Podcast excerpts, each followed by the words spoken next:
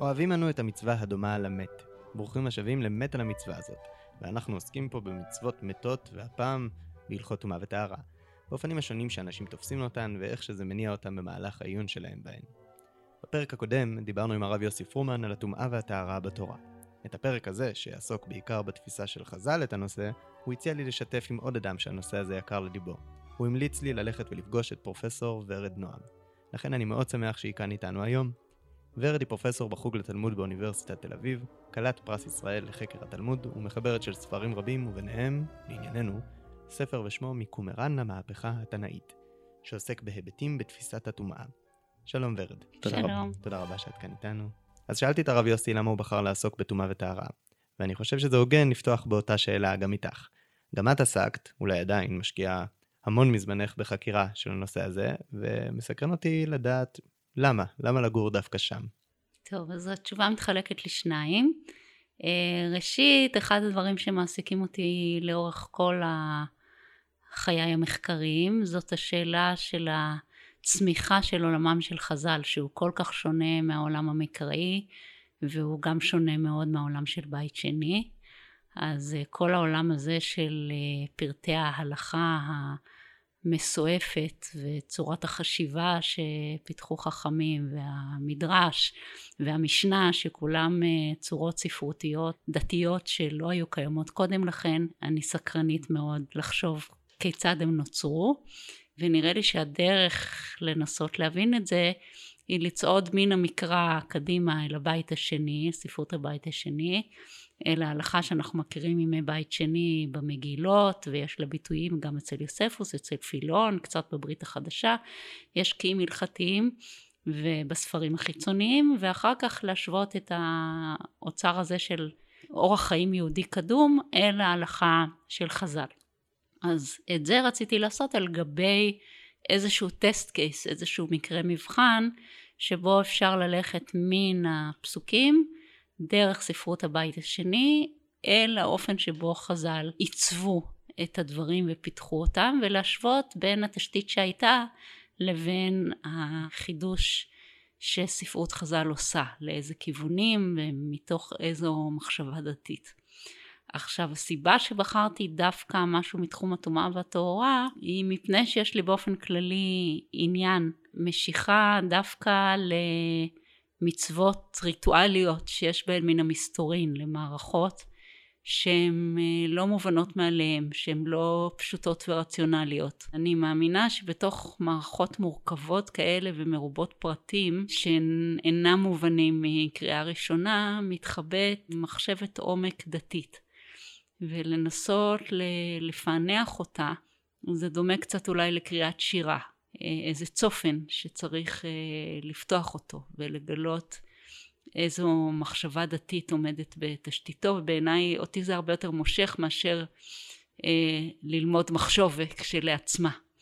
אם אנחנו מתעסקים בפרטים של הלכות טומאה וטהרה אז אנחנו יכולים לנסות ללמוד מזה גם על עצם המושגים המסתוריים האלה, מה זאת טומאה, מה זאת טהרה, ומעבר לזה על שאלות הרבה יותר רחבות, כי הטומאה והטהרה נוגעות לכל היבטי החיים, ומתוך כך אפשר להבין מה התורה חושבת על לידה, מה היא חושבת על מוות, מה היא חושבת על איש ועל אישה, מה היא חושבת על ישראל ועל נוכרי, על החיים, על המוות, ואם אנחנו הולכים מפסוקי התורה אל חז"ל ומסתכלים בבניין ההלכתי המסועף שהם בנו על גבי הדברים האלה, אז הבניין הזה הוא לא רק הלכתי, הוא בהכרח גם פרשני ביחס לחוקי התורה, ואז אנחנו יכולים לנסות שוב לפענח מתוך המבנה ההלכתי הזה איך חכמינו הבינו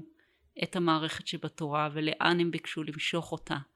מבחינתם בכל ההיבטים האלה של, של המשמעויות האלה שדיברתי עליהן. אז זאת הסיבה שבחרתי לגור דווקא שם. מעניין. אז המחקר שלך בנושא, לצד העיסוק שלו בהיסטוריה, בפן ההיסטורי, מדגיש במיוחד גם עיסוק בתפיסה, בתיאוריה של חז"ל. אמרת בסוף דברייך יפה שהבניין הוא לא רק הלכתי, אלא גם פרשני, וגם פרשנות נבנית בשלבים, אז נתחיל כפי שאמרת, מהמקרא ונצעד קדימה. בפרק הקודם דיברנו על שניות בפסוקים במקרא בכל מה שנוגע לטומאה. אז איך את תופסת את השניות הזאת, ממש שנייה לפני שאנחנו קופצים לחז"ל? כן, אז קודם כל צריך להתחיל, אתה יודע, התחלת מהדעה של הרב יוסי, שהיא, אני חושבת, בשביל כל אדם שהתחנך על ברכי אה, ספרות חז"ל ועל ברכי המסורת היהודית, אז זה דווקא הגילוי המפתיע. אני חושבת שבאופן פשוט כולנו גדלים על התפיסה שטומאה היא מצב פיזי בעצם אה, ניטרלי שכל אדם חווה אותו בחיים ולפעמים מצווה לחוות אותו וחובה לקבור את המת ומצווה לחיות חיי אישות ולהוליד ילדים. בעצם אין שום דבר שלילי בטומאות האלה וגם מגדלים אותנו על הצד האידיאולוגי של הדבר הזה שהיהדות בניגוד לנצרות היא מחייבת את החיים, אוהבת את החיים במלאותם על כל התופעות שלהם. טומאה היא משהו שאסור להביא אותו אל המקדש, אסור להסמיך אותו אל קודשים, אבל מעבר לזה היא מותרת ואפשרית וזאת היא עמדת התורה וכך אה, גם הוגים בימי הביניים כמו רבי יהודה הלוי תיארו את הדברים. כן, אז אנחנו קוראים ש... שכהנים יכולים לאכול בקודשים רק אחרי שיטהרו מטומאתם אבל אה, אין איסור לאדם רגיל בחיי היומיום הרגילים וגם אין שום דרך להימנע מטומאה ואנחנו צריכים גם לתת אל ליבנו שבאמת התורה בשום מקום לא אומרת, התורה מגדירה מהם מקורות הטומאה אבל בשום מקום היא לא אומרת לך שאתה צריך לנסות להימנע מזה. כן? היא אומרת ש, שהנוגע באמת לכל נפש אדם וטמא שבעת ימים. היא לא אומרת אל תיגע באמת, תשתדל לא לגעת באמת, תשלח שליח לקבור את המת שלך. בשום מקום לא נאמר דבר כזה. נאמר שהיולדת טמאה, אבל לא נאמר בשום מקום אל תלדי. אז אין שום איסור על הדבר הזה. אה, בהחלט יש מקום לתפיסה הזאת כפי שחז"ל חינכו אותנו. יחד עם זאת יש גם אה, פה ושם פסוקים שמהם משתמע באופן ברור אחרת. להתרחק מן הטומאה בחיי יומיום. אז יש אה, רבים כאלה, אבל אם להביא כמה דוגמאות, כשהתורה מדברת על נבלת בעלי חיים טמאים שהיא מטמאת, היא אומרת מבשרם לא תאכלו ובנבלתם לא תיגעו. אז במקרה הזה כן יש לנו איסור אה, להיטמא בטומאת נבלה. או כשהתורה מדברת על טומאת שרץ, אז היא אומרת שתנור וחיריים שנפל מתוך, לתוכם שרץ, כן, תנור וחיריים יוטץ. טמאים הם וטמאים יהיו לכם. אם באמת התזומאה מותרת לגמרי במטבח שלנו בחיי היום, למה צריך לשבור את התנור והקיריים? ויש לנו פסוק כללי, ויזרתם את בני ישראל מטומאתם ולא ימותו בטומאתם. שוב אפשר לפרש את זה לאור המשך הפסוק בתמם את משכני אשר בתוכם, שם מדובר דווקא בהקשר של משכן או מקדש, אבל אפשר גם לפרש אחרת, ואולי זה הפשט, שאם ישראל לא ייזהרו ויהיו טמאים באופן כללי אז הם מטמאים את שכינת השם בתוכם במובן הזה. צריך להיזכר גם בהוצאה מן המחנה, נכון שילוח מן המחנה של אה, כל צרוע וכל זב וכל טמא לנפש. בפשט הדברים מדובר על מחנה ישראל, מה שחז"ל עשו זה כבר משהו אחר, אבל בפשט הפסוקים הרושם הוא שלפחות טמאים מסוימים צריכים להיות משולחים מחיי היומיום. אז אם כן, יש בתורה בהחלט אה, אה, פסוקים, רבדים, איך שתרצה לקרוא להם, שאוסרים את הטומאה באופן מוחלט, גם בחיי היומיום. אז בניגוד לדעת הרב יוסי, שהקול הראשי במקרא תובע את הטהרה גם בחיי החולין, את סבורה שיש יסוד גדול להבנה שהטומאה שייכת בקודש בלבד. וברמה הספציפית, בעוד הרב יוסי אומר שיש מופעים של טומאה שהם חלק מהחיים, ואין מה לעשות אלא את מה שצריך כדי שהטומאה הזאת תיעלם, הניסוח היפה שלו זה פשוט נופל עליך שרץ. את סבורה שבדיוק בגלל זה, בגלל ההכרה של הטומאה כתופעה בלתי נמנעת בחיים בתורה, שהיא מופיעה בלידה, היא מופיעה עם המוות, היא אף פעם לא נאסרה בהקשרים הללו, אז הרי שאפשר להבין את עיקר האיסור שיש על נוכחות הטומאה כקשור בקודש בלבד. באמת, זאת דעת רוב חוקרי המקרא, ובנידון הזה נחמד שהם נמצאים בצד של חז"ל. אמ, אז שוב, אני לא חוקרת מקרא ולכן לא לא הקדשתי את המחקר שלי לשאלה של הנוכחות של שני הקולות האלה בתורה עצמה, אבל חוקרים שונים הציעו לפי, אתה יודע, לפי הגישה הכללית שלהם לכתוב. היו כאלה שתיארו התפתחות דתית מתפיסה אחת למשניה, היו כאלה שתרצו כדרכם של חז"ל בנסיבות שונות, כן, שמי שמשהה טומאה במזיד זאת הטומאה שהיא אסורה גם בחיי החולין, ואילו טומאה שקורה היא, היא ניטרלית, זו טומאה שהיא, שהיא בשגגה, אלה האפשרויות. אבל מה שעניין אותי זה באמת איך מקורות מאוחרים יותר אה, מפרשים את כפל הקולות המקראיים, מה הם מעדיפים, איך הם מתמודדים עם הקול האחר. אז בפרק הקודם בעיקר הזכרנו בכותרת את המהלך החז"לי, לא פירטנו אותו בצורה מסודרת. המהלכים הדרשניים של חז"ל בכל הקשור לפשט הכתובים ידועים ביצירתיות מרשימה, ובהלכות טומאה וטהרה משהו מאוד יצירתי ומפתיע מתרחש. אז אני אשמח אם תציגי את זה לפנינו, וגם אני אבקש שתביאי איזה מדרש שניים שהם אהובים עלייך במיוחד בנושא הזה. כן, אז בעצם עשיתי מין תרגיל, ואספתי את כל הפסוקים האלה שאוסרים את הטומאה בחיי החולין בתורה, והלכתי לבדוק איך הם נדרשים אצל חז"ל. גיליתי שכל הפסוקים האלה, ממש בלי יוצא מן הכלל, ובכל המדרשים, בי רבי עקיבא, בי רבי ישמעאל, לא משנה איפה, הם תמיד מוצאים מפשוטם ביד חזקה, ויש לחכמים עניין תמיד לומר שאין פה באמת איסור על טומאה בחיי החולין, אלא אך ורק בספירה המקודשת, ויש כל מיני דרכים לעשות את זה. כשמדובר בפסוק בפשט על חיי החולין אז חכמים יעמידו את זה במקדש, כשמדובר בפסוק בפשט על ישראל חכמים יעמידו את זה בכהן, כשמדובר על יום יום הם יעמידו את זה ברגל שיש חובת היטהרות, כשמדובר על מחנה ישראל הם יעמידו את זה במחנה שכינה, או כשיש איסור על הטומאה אז הם יגידו שזה לא איסור אלא עצה טובה כן, בכל הדרכים האלה המדרש פועל. אם ניקח אה, דוגמה מאוד נחמדה, התורה אומרת, על, הזכרנו את הפסוק הזה קודם, מבשרם לא תאכלו ובנבלתם לא תיגעו, טמאים הם לכם. ולכאורה יש לנו כאן איסור לאו להיטמא בנבלת בעלי חיים טמאים. בסוף הפרשה יש סיכום של רשימת המטמאים, וכתוב שם לגבי אותם בעלי חיים ולאלה תטמאו כל הנוגע בנבלתם יטמא עד הערב וכל הנושא מנבלתם יכבס בגדיו וטמא עד הערב. עכשיו מה עושה המדרש, הספרה?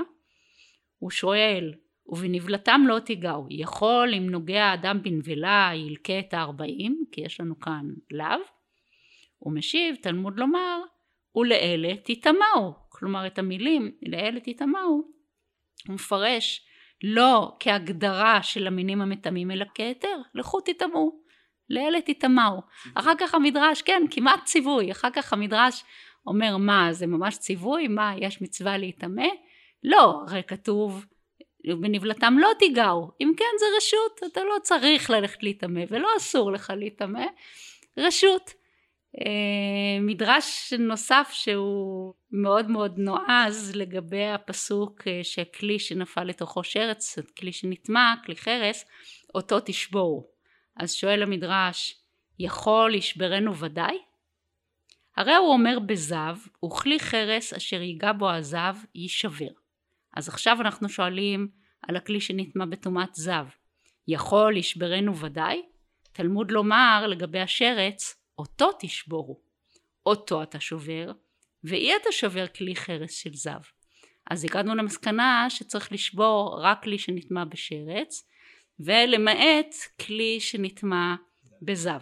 עכשיו אומר המדרש רגע רגע קל וחומר מה אם הנוגע בזב החמור אינו טעון שבירה הנוגע בשרץ הקל אינו דין שלא יטעון שבירה אז התחלנו מהחובה בשרץ, הגענו למסקנה שבזב אין שבירה. זב יותר חמור, אם אין שבירה בזב אז גם אין שבירה בשרץ. אם כן למה נאמר אותו תשבורו? מלמד שאין לו טהורה אלא שבירתו. זאת אומרת אם אתה רוצה שהכלי יהיה טהור אתה תיאלץ לשבור אותו, אבל אם לא אכפת לך אז תשאיר אותו טמא ותשתמש בו, אין שום בעיה לחיים ולשלום. אבל מה שהמדרש פה עשה בעצם הוא לקח שני פסוקים שמצווים על שבירה של כלי שנטמע, אחד בזב אחד בשרץ, ובעזרת השרץ הוא מחק את החובה בזב, בעזרת הזב הוא מחק את החובה בשרץ, והוא פשוט מחק את הציווי בתורה בשני המקומות האלה, ואמר אין שום בעיה להשתמש בכלים טמאים. ממש, אה, ממש מעגליות מרשימה, מדרש אליפטי מקסים. אלה רק שתי דוגמאות, ויש אה, רבות רבות כאלה. השאלה הראשונה שעולה לי בראש היא, למה? מה מניע את חז"ל לבצע דרשות כאלה, ומה גורם להם להיות כל כך אחידות? גם אמרת בבי רבי עקיבא, בבי רבי ישמעאל, אותו דבר. אבל לפני שנתעסק בגישה הזאת, כדאי אולי להאיר עוד אור בכל הקשור לתפיסה של חז"ל את הטומאה. המהפכה שנמצאת בכותרת של הספר שלך, המהפכה התנאית, היא לא מהפכה פרשנית באשר לפשט הפסוקים שמתבצעת על ידי חז"ל. מדובר שם במהפכה של פרצת טהרה. אני מתכוון כמובן לכך שלצד כל הפן המדרשי שדוחה את החשיבות של הטהרה בחיי החולין, יש לנו עדויות על הקפדה מעשית על טהרה בחיי החולין בספרות התנאית. וקשה להבין, איך זה עובד ביחד? אני רוצה שנקדים את העיסוק בשאלה הזאת, ושדרך השאלה הזאת, בסוף שנחזור. השאלה הראשונה, כן. השאלה הראשונה. כן, המדרשים האלה, כמו שאמרת, הם מפתיעים לא רק על רקע החתירה הנועזת הזאת תחת הפסוקים עצמם, אלא גם על רקע החתירה תחת החיים שאותם חכמים עצמם חיו. כן, אז כבר בימי בית שני, אנחנו יודעים, כמו שאומרים, אמרו לנו חז"ל, שפרצה הטהורה, כן? שהייתה הקפדה מאוד גדולה על טהרה, וההקפדה הזאת הייתה משותפת לכל הזרמים, ברמות שונות, בדגשים שונים שיצרו בידולים בין הקבוצות השונות, אבל עדיין עצם הרעיון שהמצוינות הדתית, ההקפדה הדתית, הדוסיות של ימי בית שני, זה להקפיד הקפדה יתרה על הטהרה גם בחיי החולין, ואדם שהוא מקפיד במצוות אז בזה הוא נמדד, שהוא אוכל את חוליו בטהרה, אה, שהוא מקפיד על טהרת הכלים שלו, שהוא מקפיד על טהרת הבגדים שלו, אה, שהוא נזהר ממגעם של מי שאינם מקפידים, ועל רקע זה יש לנו את כל ההלכות שנוגעות לחברים ולעמי הארץ שנבדלים מהם. וזה היה הסטנדרט בימי בית שני, שהיה אה, מוכר לכולם ומקובל על כולם, ואנחנו רואים את זה בהרבה היבטים. קודם כל, אנחנו רואים בהלכות התנאיות עצמם שהמציאות הזאת של חבורות שאוכלות בתאורה ושל חברים שאוכלים בתאורה ושל חזקת התאורה בירושלים ברגל ושל מי נאמן אל התאורה ומי לא נאמן אל התאורה אנחנו רואים את זה בצורה מאוד ברורה. הרבדים הקדומים בתורת התנאים אם אנחנו סופרים לאיזה תחומי הלכה מוקדש רוב החומר בשכבות שונות של ה... אה, של תורת התנאים ככל שאתה הולך אחורה נניח למחלוקות בית שמאי ובית הלל אתה תמצא הרבה הרבה יותר בענייני אה, טומאה וטהורה. אבל גם במשנה ובתוספתא בכלל אם תסתכל על אה, תוספת הכלים עם השלוש בבות שלה ועל האורך הגדול מאוד של סדר טהרות כן אז זה, זה הנושא המרכזי. אם ננסה לשוות לעצמנו את החברה של ימי הבית כנראה כפי שהיא משתקפת במשנה בחגיגה אז המשנה אומרת לנו שבגדי עם הארץ מדרס לפרושים, בגדי פרושים מדרס לאוכלי תרומה, בגדי אוכלי תרומה מדרס לאוכלי קודש, ויוחנן בן גודגדה היה אוכל את אה, כל מאכליו על תורת הקודש והייתה מטפחתו מדרס לחטאת, כן, לתאורת פרה אדומה. אז יש לנו כאן ממש מין מערכת של מעמדות חברתיים שהשייכות החברתית שלהם מוגדרת אה, לפי מידת ההקפדה שלהם בתאורה. ואנחנו רואים את זה גם בממצא הארכיאולוגי, המקוואות, כלי האבן, קנקנים שמסומנים שהתכולה שלהם טהורה אה, שנמצאו אה, בבית שני וכמובן במגילות ששוב הפולמוס ההלכתי שלהם והחומר ההלכתי שלהם הוא ברובו אה, סביב העניינים האלה. אז בעולם שבו כל כך מקפידים על הטהורה בחיי החולין ושההלכה של חז"ל מעידה על זה לפעמים כנוהג מחייב לפעמים כמנהג לפעמים כמנהג של מחמירים לפעמים כמנהג אפילו של פשוטי עם. יש לנו סיפור על איזה זוג אה, איש ואישה אנשים פשוטים כאלה שרצו לחטוא זה עם זה אבל אז התברר להם שאין מקווה בסביבה לטבול אחר כך אז הם, אז הם נמנעו. זאת אומרת גם אנשים כאלה כל כך הקפידו. בתוך עולם כזה מאוד מפתיע שלכאורה יכלו להתעלות בפסוקים האלה ולומר שאנחנו נוהגים בהקפדה בתורה בחיי היומיום וזה דאורייתא זה נובע מן הפסוקים עצמם ובמקום זאת מוציאים את הפסוקים מפשוטם לכיוון הפוך. כאילו אין חובה מן התורה בכלל לתורה בחיי החולין אין שום צורך בזה רק בהקשרים של מקדש וקודשיו יש משמעות לטומאה וזה בעצם הופך את כל ההקפדה העצומה שעולה במאמץ כזה עצום ובהפרדות חברתיות בחיי היום יום את כל ההקפדה הזאת והמאמץ הזה למשהו שהוא בעצם לא מן התורה והוא מנהג בלבד והוא רשות בלבד וזה מאוד מאוד מפתיע זה כאילו שני כיוונים סותרים. אז ממש בהתאמה לשניות במקרא הנה מעין שניות בחז"ל. ראוי לציין שהגישה שטוענת שהטומאה שייכת בקודש נדרשת תמיד מן הפסוקים, בצמידות לטקסט. אבל העדויות של ההקפדה, גם בחולין על הטהרה, מופיעות רק כעדויות, תמיד מנותקות מן הפסוקים. על אף כל הפסוקים הנהדרים שהעלית קודם, שאולי יכלו לסמוך אליהם, אנחנו אף פעם לא רואים שימוש בהם, לצד התיעוד של המנהגים הללו. כן, נכון. אז uh, אני חושבת שזה מפתיע לשני הכיוונים. מצד אחד יש פה הלכה מושרשת וטעונה ומגדירה זהות חברתית שלא סומכים אותה על הכתוב במפגיע. מצד שני דורשים את הכתוב בכיוון הפוך אבל גם לא מעמתים. זאת אומרת בוא נגיד שאתם רוצים לדרוש את כל הפסוקים לכיוון הפוך שאין צורך בתורה בחיי החולין אז אולי אה, תציגו עימות כן קושייה על הנוהג הרווח מתוך כך שאנחנו דורשים את הפסוקים לכיוון הפוך אבל גם את זה לא עושים יש פה איזה מין מדיניות שלא קרב זה אל זה. אה, כן. עכשיו לרוב אנחנו אוהבים מחלוקות ולרוב אנחנו מאוד אוהבים לסמוך את ההלכות שלנו אל הפסוקים כמעט אין הלכה שלא סומכים אותה על הפסוק בדרך כלשהי ואפילו תקנות שחכמים מודים שהן תקנות אז הם אומרים לך שזה אסמכתה בעלמא אבל עדיין הם סומכים אותם על הפסוקים ופה יש לנו תופעה באמת אה, מפתיעה מאוד שלא סומכים את ההלכות האלה לפסוקים. מצד אחד החכמים האלה שדורשים את הפסוקים בהיפוך ממשמעם הפשוט ואומרים לא צריך טהורה בחיי החולין הם אף פעם לא חולקים על מנהגי הטהורה המקובלים כפי שהם מתוארים במקורות אחרים. כלומר לא מצאנו מישהו שחולק על זה שיש יהודים שמקפידים באכילת חולין בטהורה. לא בא שום חכם ואומר מה אתם עושים שטויות לא צריך את זה.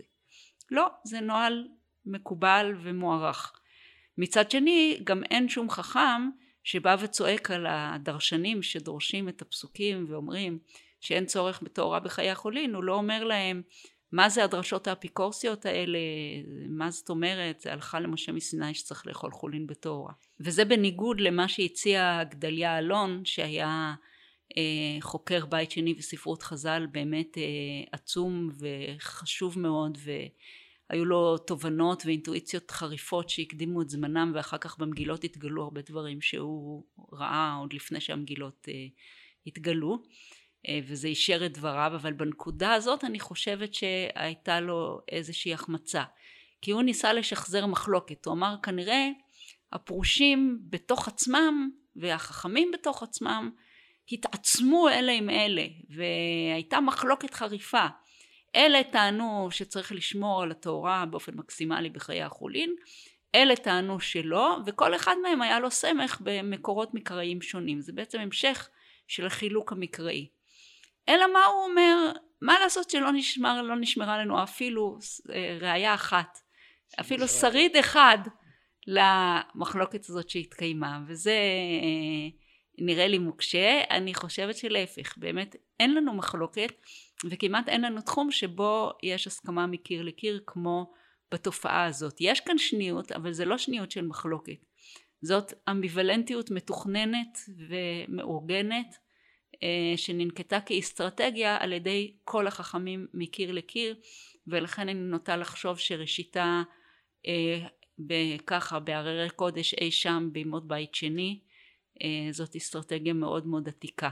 מצד אחד להקפיד בטהרה כי זאת מסורת האבות כי ככה מקובל כי יפה לחיות בטהרה ולאכול חולין בטהרה ומצד שני להקפיד לומר שזה לא נובע מן הפסוקים שהפסוקים לא ציוו על זה ושזאת אה, שזה בעצם סוג של מנהג שהוא רשות. טוב אז גם יש צמצום גמור לכל הדעות של הטומאה אל הקודש וגם יש לנו גילויים של הרחבה מעשית של הטהרה אל החולין באין חולק ומפריע. אני מבין שהעובדה ששתי הגישות קיצוניות כל כך בדרכן, יכולה ללמד אותנו שמדובר באמביוולנטיות מאוד קדומה. עם זאת, יש שהציעו שמדובר בהתפתחות. הפרושים, המוקדמים יותר, לימדו פן אחד בהלכות טהרה, זה העניין של הקפדה בטהרה בחולין, ואחר כך באו חז"ל, השכבות היותר מאוחרות, ודרשו בצמידות לפסוקים, כדרכם, והעלימו פשוט את הטומאה.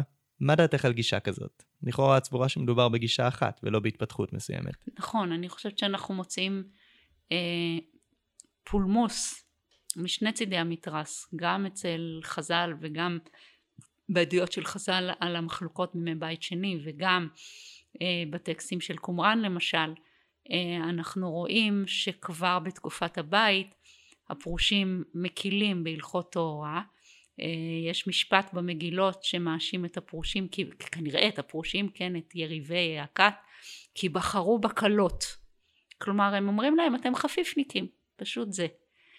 אה, אם כן, כנראה יסודו של החילוק הזה עוד בימי הבית. אין ספק, כמובן, אני לא באה לטעון שהספרות התנאית נשארה באותו מקום כמו הפרושים מימי הבית. חלו התפתחויות אה, גדולות ומרחיקות לכת ומספיק שנחשוב על רבי עקיבא לדוגמה אה, אבל אני חושבת שראשיתה של המגמה הזאת אה, עוד, עוד בימי הבית כשכל הנושא של התורה באמת היה מאוד חם ומאוד משמעותי דווקא על הרקע הזה צריך להבין את, ה, את ההתרחשויות האלה. נראה לי שזה אחד מן המקרים שבהם יש איזושהי מדיניות פרושית שהופכת אחר כך מדיניות תנאית מתוכננת ומתוחכמת שצוללת איזושהי דרך דתית חדשה ומבדלת את עצמה באמצעות אה, עקרונות מסוימים אה, מסביבתה ומכיתות חולקות ומקבוצות אחרות. ולמשל כת קומראן שפרשה אל המגילות אז באחת המגילות מקצת מעשה התורה שהיא מגילה פולמוסית, הקבוצה הזאת מעידה על עצמה שאנחנו פרשנו מרוב העם בגלל הדברים האלה, כן? בגלל סעיפי ההלכה שנזכרים קודם באותה מגילה כדברים שהכת מתרעמת בהם על מה שעושים יהודים אחרים. כלומר יש תפיסה אה, כיתתית שתופסת את ההקפדה בטהרה כיסוד מוסד דתי הכי עקרוני שיש שגורם להם לפרוש מכלל הציבור וללכת למדבר, לתעב את כל הקבוצות היהודיות האחרות ולהחרים את המקדש וחיי המקדש שלא נוהג בטהרה לפי שיטתם. אה, אז ככל הנראה הקבוצה הפרושית אה, רוצה לומר לקבוע כללים אחרים, להקפיד על תורת הקודש אבל יש מקום לחיי חולין, יש מרחב לחיי חולין, אפשר לחיות בנחת ובלי חרדה ובלי אובססיות את חיי החולין וחשוב עוד מזה אסור להרחיק את האנשים שלא מסוגלים לחיות לפי הסטנדרט הגבוה הזה אז חשוב להם להגדיר את הגבולות של ההכרחי ואת המרחבים שמשתרעים מעבר לו שהם לפנים משורת הדין או מנהג או הקפדה של יחידים. באקט הזה של הבידול מן הקבוצות המחמירות יש בעת ובעונה אחת גם משהו אינקלוסיבי שמאפשר כן להכניס פנימה וכן להכיל את אותם רבים שלא יכולים לשמור על הגדרים המאוד מאוד מחמירים. באמת אנחנו שומעים בעדויות מימי בית שני גם בצורה פולמוסית במגילות וגם מפי יוסף בן מתתיהו למשל שהפרושים היו מאוד אהובים על רוב העם ושהעם קיבל את מרותם והעריך אותם. אני אצטט פה שורה ממאמר שכתב המורה שלי פרופסור יעקב זוסמן במאמר שלו על תולדות ההלכה ומגילות מדבר יהודה הוא אומר על הפרושים ועל הכיתות אלה פניהם לעם ואלה פניהם למדבר. אה, אני חושבת שהאסטרטגיה הזאת היא חלק מן המדיניות של חז"ל שפניהם לעם ולא למדבר. טוב, אז אם נחזור לשאלה הראשונה של מה גרם לחז"ל לדרוש את הדרשות הבאמת קשות הללו, המניע החברתי, הרצון לאפשר הזדהות דתית לחלק מהעם גם בלי הסטנדרט הקשוח של טהרה בחולין, והוא מאוד קשוח הסטנדרט הזה, הוא שהוביל למהלך דרשני חריף שכזה, כך לדברייך. והמהלך הזה פעל לצד מסורת אבות מסוימת, הפוכה בגישתה, שכן מעודדת את ההנהגה של הטהרה בחולין, שהושפעה ברמה מסוימת מן הפסוקים, אבל לא הובנה כחובה או כציווי של שמירה על טהרה בחולין. כן, אז נראה לי שהפרשה הזאת מלמדת משהו על האופי העקרוני של ההלכה של חז"ל. יש פה מצד אחד אה, יכולת לשמר את מסורת האבות, שזה דבר מאוד מאוד אה, עקרוני ובסיסי בתורת הפורשים, גם אצל יוספוס, כן, הוא אומר שהם יודעים את מסורת האבות וגם אה, בעולמם של חכמים, כן, העדות והמסורת והשמועה הם מאוד מאוד חשובים, אבל אז משמרים את המסורת ההלכה העתיקה הזאת של שמירת הטהורה בחיי החולין, ומצד שני לא מתעלמים מנסיבות הזמן ומצורכי החברה. אה, אנחנו רואים משהו על דבקות במדיניות מקילה והבנת המחיר החברתי של חומרות ואנחנו רואים הפרדה עקשנית ומעניינת בין תורה שבכתב לתורה שבעל פה. אני רוצה להודות לך פרופסור נועם, אני חושב שנגענו פה בכמה שאלות הקשורות בדבר צמיחתה של ההלכה והיחס בין מקרא להלכה ובין מדרש למסורת בכלל, סוגיות חשובות מאוד בפני עצמן. תודה לך, יישר כוחכם, תמשיכו להרבות תורה. טוב, אז דיברנו עם uh, פרופסור ורד נועם, ואני רוצה עכשיו שנשוב אל הרב יוסי, אז אני יוצא מהדירה הנחמדה שהקלטנו בעצם בירושלים, פנינו היו אל העם, ועכשיו ניסע אל תקוע הרחוקה, ופנינו אל המדבר. הוספתי כאן סדרה של סאונד אפקט כדי לגרום למעבר להרגיש אה, אותנטי. שלום הרב יוסי. אז, אנחנו עכשיו כאן בביתו במדבר. שמעת את השיחה המעניינת מאוד שהייתה עם ורד נועם. אני סקרן לדעת, מה אתה חושב? קודם כל, תמיד טוב לשמוע מתלמידה חכמה, דברי חוכמה, באמת, אה, למרות שקראתי כבר את ספריה וזה, או חלק מהספרים, אבל אני תמיד אשמע אותם מחדש, זה עוד חידושים. ודיוקים, אה, למרות שעם רוב הדברים שלה אני מסכים, אני אחדד את הנקוד, נקודת המחלוקת שבעצם עומדות בינינו. נקודת המחלוקת הראשונה נוגעת לתיאור מה פני הטומאה במקרא, בתורה. מה שפרופסור ורד הציע זה שהקול המרכזי הוא שאין בעיה להיות טמא. הקול המרכזי של המקרא הוא שאין בעיה להיות טמא אלא בעולם המקדש, בעולם המקדש, ויש פסוקים אה, אחרים. והקול המרכזי הזה הוא בעיקר משתיקת הפסוקים, שברוב המקרים, ברוב התאומות התורות, הפסוקים לא אומרים לנו אל תטמאו, זאת אומרת שאין בעיה. זה נחמד כאן הוויכוח, כי חוקרת באוניברסיטה היא בעצם מציבה קו, קו יותר חז"לי מאיזה רם בישיבה שמציג קו יותר כפרני, כיוון שאני חושב שתמונת הפסוקים היא הפוכה. מבחינתי אני לא רואה בפסוקים אה, שניות או כפל קולות. אני חושב שכל הפסוקים מכוונים לדבר הזה שתמיד צריך להיות טהור. זה שנעדר האיסור, מרוב התאומות האיסור להיות טמא, לא כתוב, חוץ מבנבלה שכתוב בנבלתם לא תיגעו, או עוד כמה פסוקים דומים לזה שוורד ציטטה אותם יפה בדברים שלה, בכל התאומות לא כתוב, היא צודקת. אבל לטעמי ההסבר הוא פשוט שבלתי אפשרי. הטומאות הן בתוך דברים שקורים לבן אדם, מחלות, זיווה, או אפילו שגרת היום-יום כמו נידה וקרי של אה, טומאות הגוף. אין מה להגיד לבני אדם, אל תלדו, או אל תקברו מתים. לכן, אה, השתיקה של הפסוקים מלהגיד לא, לא מבטאת את זה שאין להם בעיה עם הטומאה, אלא פשוט שזה בלתי אפשרי. ולכן היא אומרת, לגבי כל הדברים האלה, הטומאות שהן נגזרות מהחיים, היא לא אומרת לנו אל תטמאו, אבל היא ישר אומרת, ישר תצאו מהר מהר מהמחנה, ישלחו מן המחנה, כמו שכתוב בחומש במדבר. כל צרוע וכל זב וכל טמא לנפש, כל שדרות הטומאה צריכים ישר לעוף מהמחנה כדי לא לטמא את כולו. כמו שוורד אמרה, בפשטות המחנה, הכוונה כל מקום, כל המחנה, מה שנקרא מחנה ישראל, כל מקום שיהודים גרים בו, כדי שלא יטמאו את כל המחנה. והאזהרה חמורה. שבחלק מהתאומות כתוב בצורה חמורה עונש כרת למי שלא מסתלק מהר. מי שנשאר במחנה, כתוב עונש כרת על תאומת מת, מי שנשאר במחנה, או קורבן על פרשייה מסוימת בתחילת ויקרא.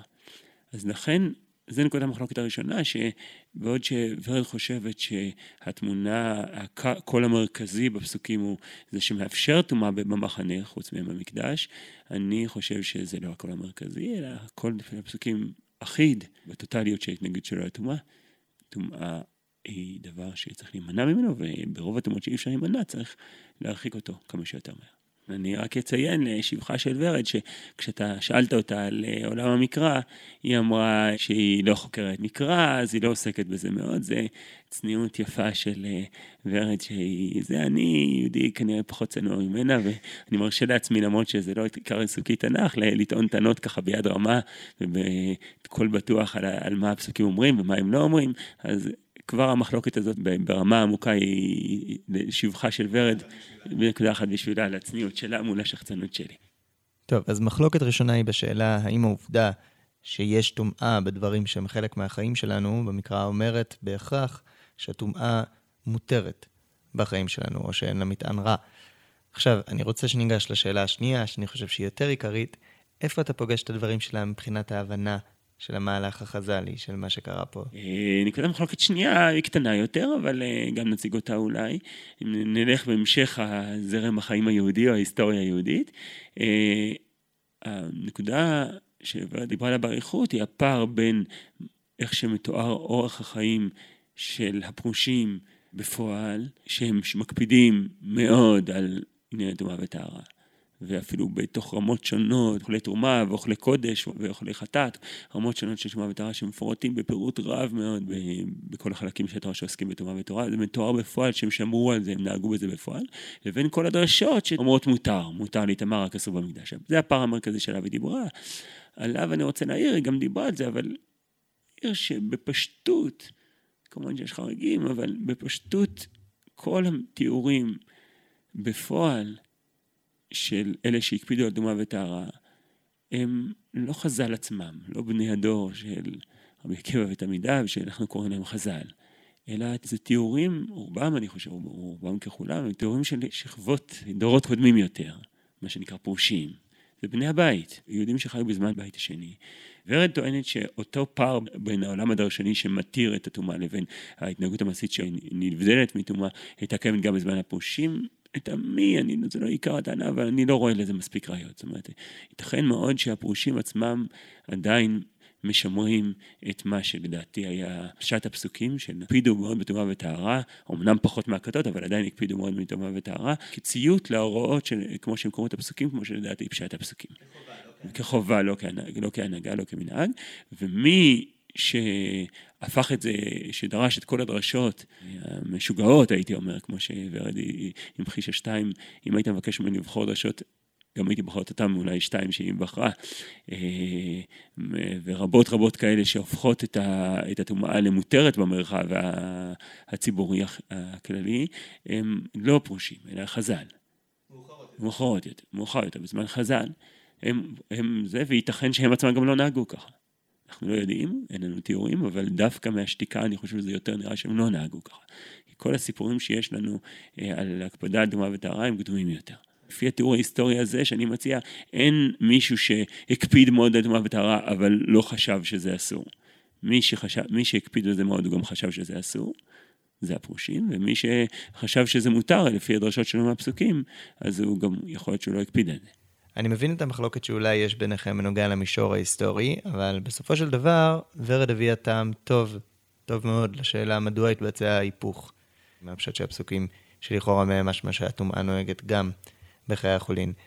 היא שיערה, ואני אומר ממש בתמציתיות, שהיה חשוב לחז"ל להגיד, מה שאנחנו נזהרים בטהרה זה לא חובה והפסוקים לא מחייבים את זה, כדי ליצור אחידות. לוודא שפנינו יהיו אל העם ולא אל המדבר. איזשהו עניין חברתי. מה דעתך על הרעיון הזה? אה, אני לא יודע, זה כבר מקום של השערה. אני רוצה להעלות השערה אחרת מגן.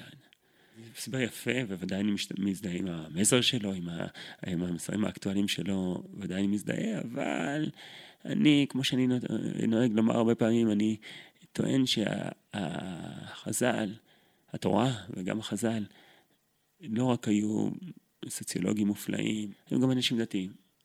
ולכן ההשערה שלי, שהסיבה למהפכה הזאת היא סיבה דתית רוחנית ולא, ולא סיבה סוציאלית, כמו שוורד הציעה.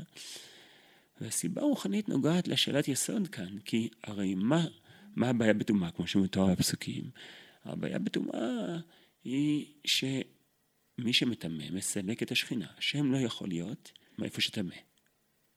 טומאה וקדוש ברוך הוא לא הולכים ביחד. טומאה מסלקת את השכינה. טומאה מסלקת את השכינה. והתורה, כשהיא אומרת אסור להיות טמא בשום מקום במחנה, היא בעצם אומרת, היא אומרת במפורש כמה פסוקים, שאני נמצא בתוך המחנה שלהם, בתוך הבתים שלהם, בתוך האוהלים שלהם, בתוך חיי היום שלהם. הקדוש ברוך הוא נמצא בכל מקום במחנה, ולכן בכל מקום במחנה אסור להיות טמא. ואם נתמדת לצאת כמה שיותר מהר, כדי לאפשר לקדוש ברוך הוא לשכון במחנה. חז"ל, כשהם באו ואמרו מותר להיות טמא במחנה, לדעתי זה הדהוד מהפכה דתית עמוקה שלהם, אה, שהם מיקמו את הקדושה ומיקמו את נוכחות הקדוש ברוך הוא באזורים התחומים של המקדש. ושחררו כביכול את המחנה מנוכחותו של הקדוש ברוך הוא. אני לפעמים מנסח את זה, ורואה את זה בהרבה היבטים של חז"ל, שהם, חז"ל היו החילונים הראשונים. במובן הזה שהם יצרו, לא חושב, לא חילונים במובן שהם לא האמינו באלוהים, או לא נתנו נוכחות לאלוהים, אלא שהם יסגרו אותה. הם יקמו, הם יקמו אותה במרחבים מסוימים ולא בכל מקום. לא בכל מקום. למה עשו את המהפכה התיאולוגית הזאת? שוב, אני חושב שזה, אפשר גם לזה עצמו לתת טעמים סוציאליים, או לקשר את זה לחורבן וכולי, אני בעיקר רוצה להתבונן על המהפכה הרוחנית הזאת כשלעצמה, ועל התוצרים שלה, כמה שזה מאפשר לבן אדם מרחב גדילה, כי קשה מאוד מאוד לחיות בנוכחות טוטלית, טוטלית של שכינה. בתודעה הזאת שכל הזמן, קשה לא במובן הטכני שצריך כל הזמן לקפוץ למקווה, זה קשה עוד יותר במובן הפנימי. אדם חייב שכחת אלוהים, ככה אני מדברר רגע את חז"ל. אדם חייב שכחת אלוהים, אדם חייב מרחב חולי, מרחב נטול אלוהים בתוכו, גם במובן העמוק, במובן האישי, לא רק במובן הגיאוגרפי של המחנה, כדי לגדול, כדי לקבל, לפתח, לפתח את האני שלו. קשור לכל השאלות האידאה והבחירה וכולי, שמחדדות את, הפע, את הקושי הזה. יש פסוק בתהילים שאני מאוד אוהב, שאומר, ענוותך תרבני. כלומר, הענווה שלך, ריבונו של עולם, זה שאתה ענה ומצמצם את עצמך, ובעצם יוצר אזורים נטולי אלוהים, זה נותן לי מרחב לגדול בו. זה לדעתי מהפכה חז"לי, תשתיתית חז"לית, לא רק בנושא שלנו, בהרבה נושאים אפשר לראות שהם יצרו, יצרו כאילו עולם מצוות ועולם נוהג שהוא לא תלוי אלוהים, שהוא בעצם באיזשהו מקום. אז אני חוזר אלינו, לאור זה, גם זה נראה לי הסבר כאן. כל הדרשות שבאות להגיד אין בעיה להישאר טמא, רק אה, להיות טמא במחנה, רק יש בעיה להיכנס למקדש, עניינם בעומק הוא להגיד, שם האלוהים נמצא, לא כאן. לא כאן במחנה, לא בכל אוהל. תירגע, באוהל שלך אתה יכול אה, לראות נטפליקס בשקט, לא, אלוהים לא מסתכל עליך כל שנייה.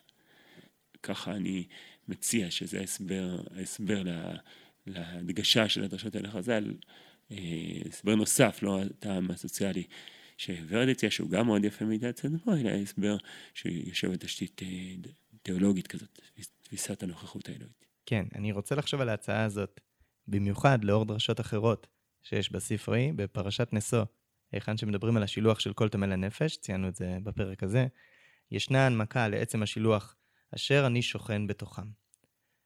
ובספרי דורשים את זה, אשר אני שוכן בתוכם, חביבים הם ישראל, שאף על פי שהם טמאים, שכינה ביניהם.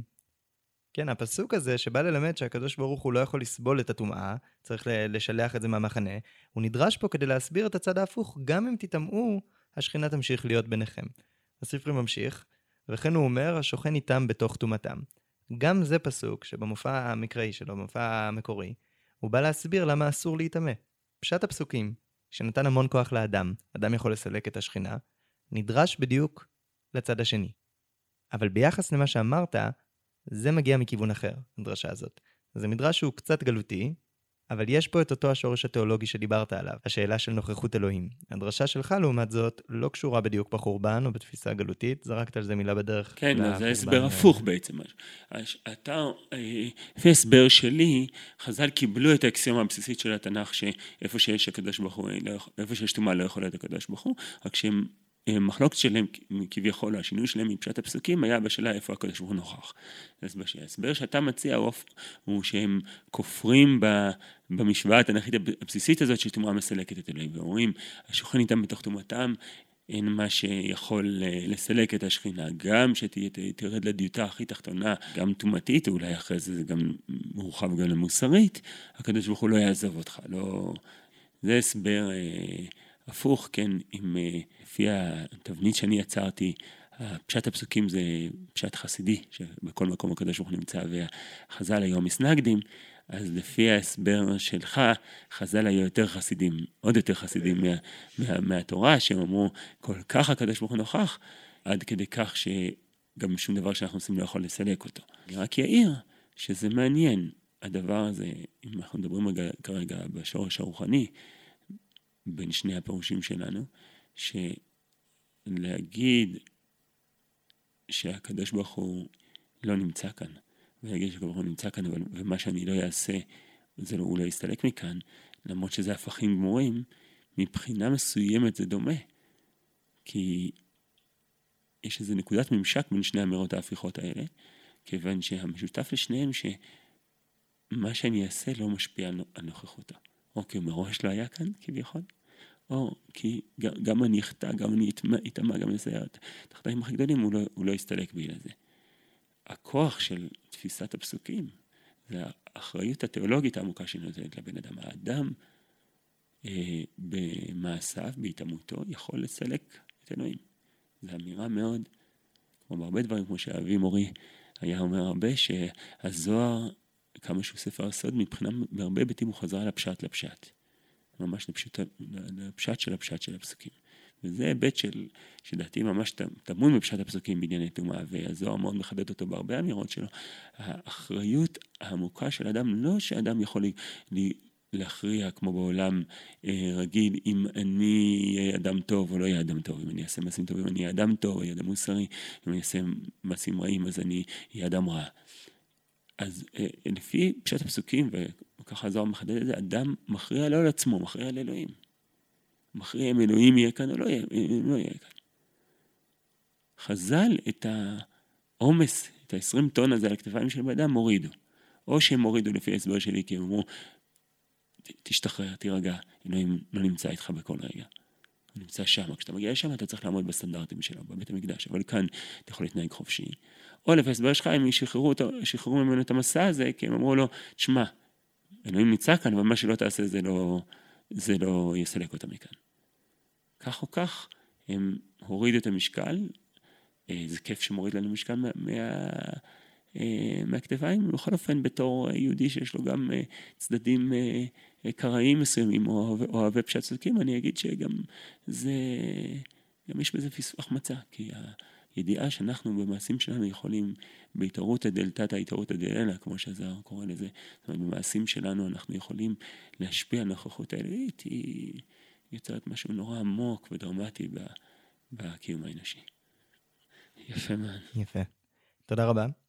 ואתם, המאזינים, תודה גם לכם. הצטרפו אלינו בשבוע הבא כשנסיים את העיון שלנו בטומאה וטהרה, בפרק שיוקדש בעיקר לדרך שבה הרב יוסי לוקח את העיון שלו אל הפרקטיקה. שם גם נעריך במשמעויות התיאולוגיות וגם הפסיכולוגיות שיש למהלך הזה, וגם נפתח ונסגור אותו, את הפרק הבא, ברפלקציה קצרה על האופן שבו גם הרב יוסי וגם ורד נועם, וגם אני בהנחיה המפוקפקת הזאת, הבינו את המצווה הזאת, ואיך זה הניע אותם במהלך העיון שלהם. אני אתן רמז קטן, שעיקר המחלוקת לעניות דעתי, בין הרב יוסי לפרופסור נועם, נגעה בעיקר לשאלה של מי שנפל עליו שרץ. וזהו, הנה אפילו יצא לנו איזה שם לספר שירה חדש, מי שנפל עליו שרץ. להתראות.